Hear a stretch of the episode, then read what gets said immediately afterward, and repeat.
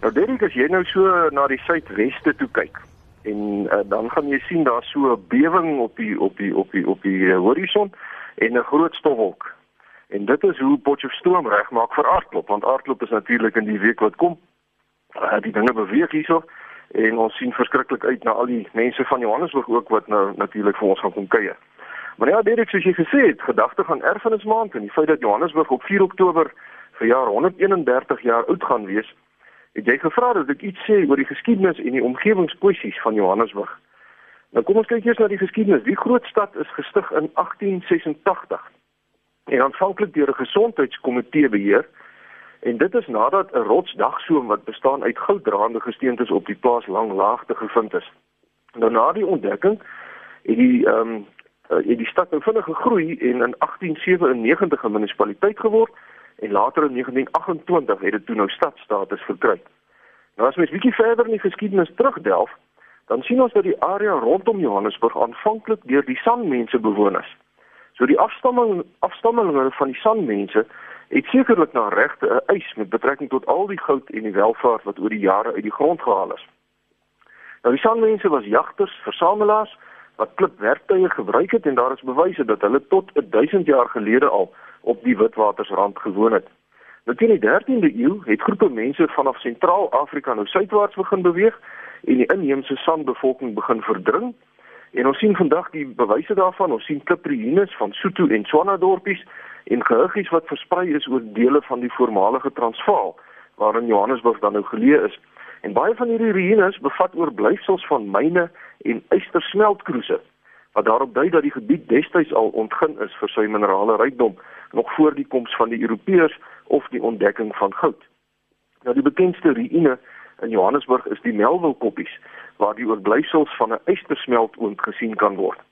Nou na die groot trek van mense van Europese afkoms om van die oorheersing van die Britse kolonialisme af weg te kom, het van die wit mense ook in die area rondom Johannesburg begin vestig en sommige van die settlers het verkies om te boer op die plek waar Johannesburg later sou ontstaan.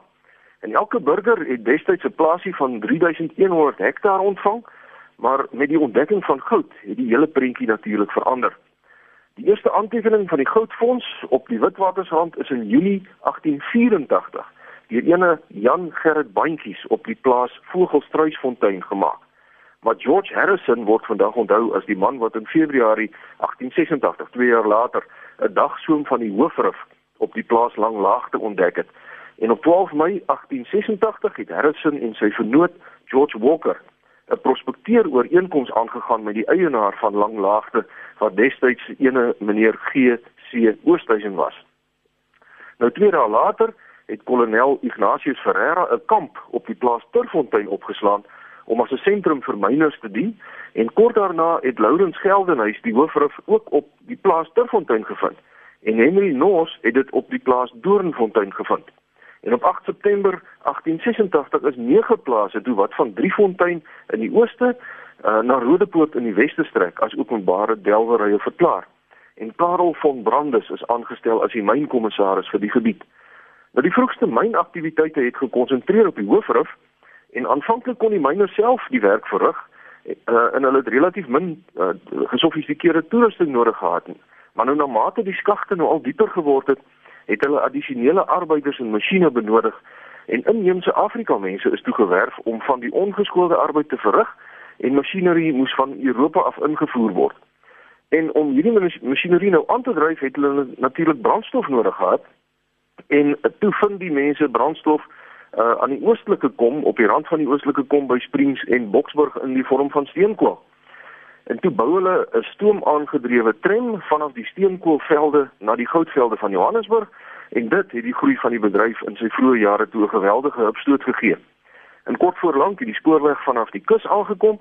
In September 1892 het die Kaapse spoorweg die rand bereik. 2 jaar later 'n lyn van Lorenzo Marx wat nou Maputo is en 'n derde roete is die volgende jaar vanaf Durban oopgestel. Dit het gou duidelik geword dat individuele delwers nie opgewasse is vir die taak om suksesvol te myn nie, want die goud was meestal te diep geleë en dan was dit ook op plekke nog onder 'n gesteente laag wat as dolomiet bekend staan. En dolomiet kan geweldige hoeveelhede water bevat.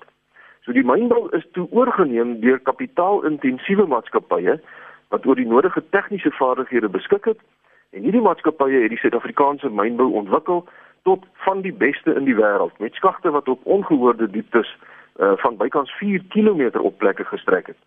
Nou soos ek gesê het, was die tegniese uitdagings geweldig en een van die moeilikste om te bowe te kom en dis waar van die omgewingsprobleme nou vandaan gekom het, was nou om al die water wat in die dolomietgesteentes bokant die gouddraande gesteentes aanwesig was uit te pomp sodat die mense by die goud kon kom. En ek dink baie van ons omgewingsvriende sal onthou dat daar so 'n paar jaar gelede groot kommer was oor die ou uitgewerkte myne onder Johannesburg wat weer begin vol water loop het na mate die mynbedrywighede gestaak is. Daar was vrese dat van hierdie suur mynwater in Johannesburg se strate sou uitloop en groot skade kon aanrig aan geboue en infrastruktuur. En ons het ook verskeie gevalle gekry van suur mynwater wat wel by ou skagte begin uitloop het, veral in die Nigel Springs area en dan ook by Kreeusdorp waar die stroombesoedelde water wat reg deur die eh, deur die wildtuin van Kreeusdorp geloop het, die meeste in die nuus was.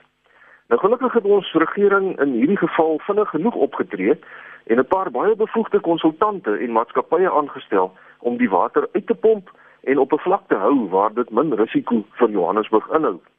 En vanuit 'n volhoubaarheidsperspektief is die aanwesigheid van hierdie ondergrondse waterbronne natuurlik baie goed, want die vol die volume van net Wesrand se dolomietwater word beraam op 5 keer die volume van die Vaaldam. En dan praat ons nou nog nie eens van die sentrale kom of die oostelike kom nie. So dit is 'n uitstekende bron van water wat indien dit nou gesuiwer word, Johannesburg deurtye van erge droogtes sal kan dra. Ja, Derek, ek sien my tydjie staan einde se kant toe en ek wil graag afsluit deur die huidige bestuur en werknemers van die stad Johannesburg baie geluk te wens vanuit 'n omgewingsperspektief. Jy weet die afdeling van die stadsraad wat bekend staan as Johannesburg City Parks hou amper 2000 parke en openbare areas in stand. Ons sien dit nie eers nie. Dit gaan so ongemerk verby, maar die gras word gesny en die bome word gesnoei en daar word onkruiddoder toegevoeg en alles. En hulle doen dit op so 'n omgewingsvriendelike manier dat hulle internasionale sertifisering vir volhoubaarheid het. En dan praat ek ook nou nog nie van it up wat al die miljoene tonne afval van Johannesburg op 'n puikwyse hanteer nie. Dit is 'n logistieke operasie wat terugstaan vir niks nie. So mag hierdie stad wat ehm um, soveel beelde het maar tog 'n ikoniese wêreldstad is, nog baie voorspoedige jare beleef en daarmee sluit ek af vir oggend. Skryf gerus vir my by kobus.vanderwalt by nwu.ac.za of soek op Facebook na omgewingspraatjies se blad vir verdere besonderhede.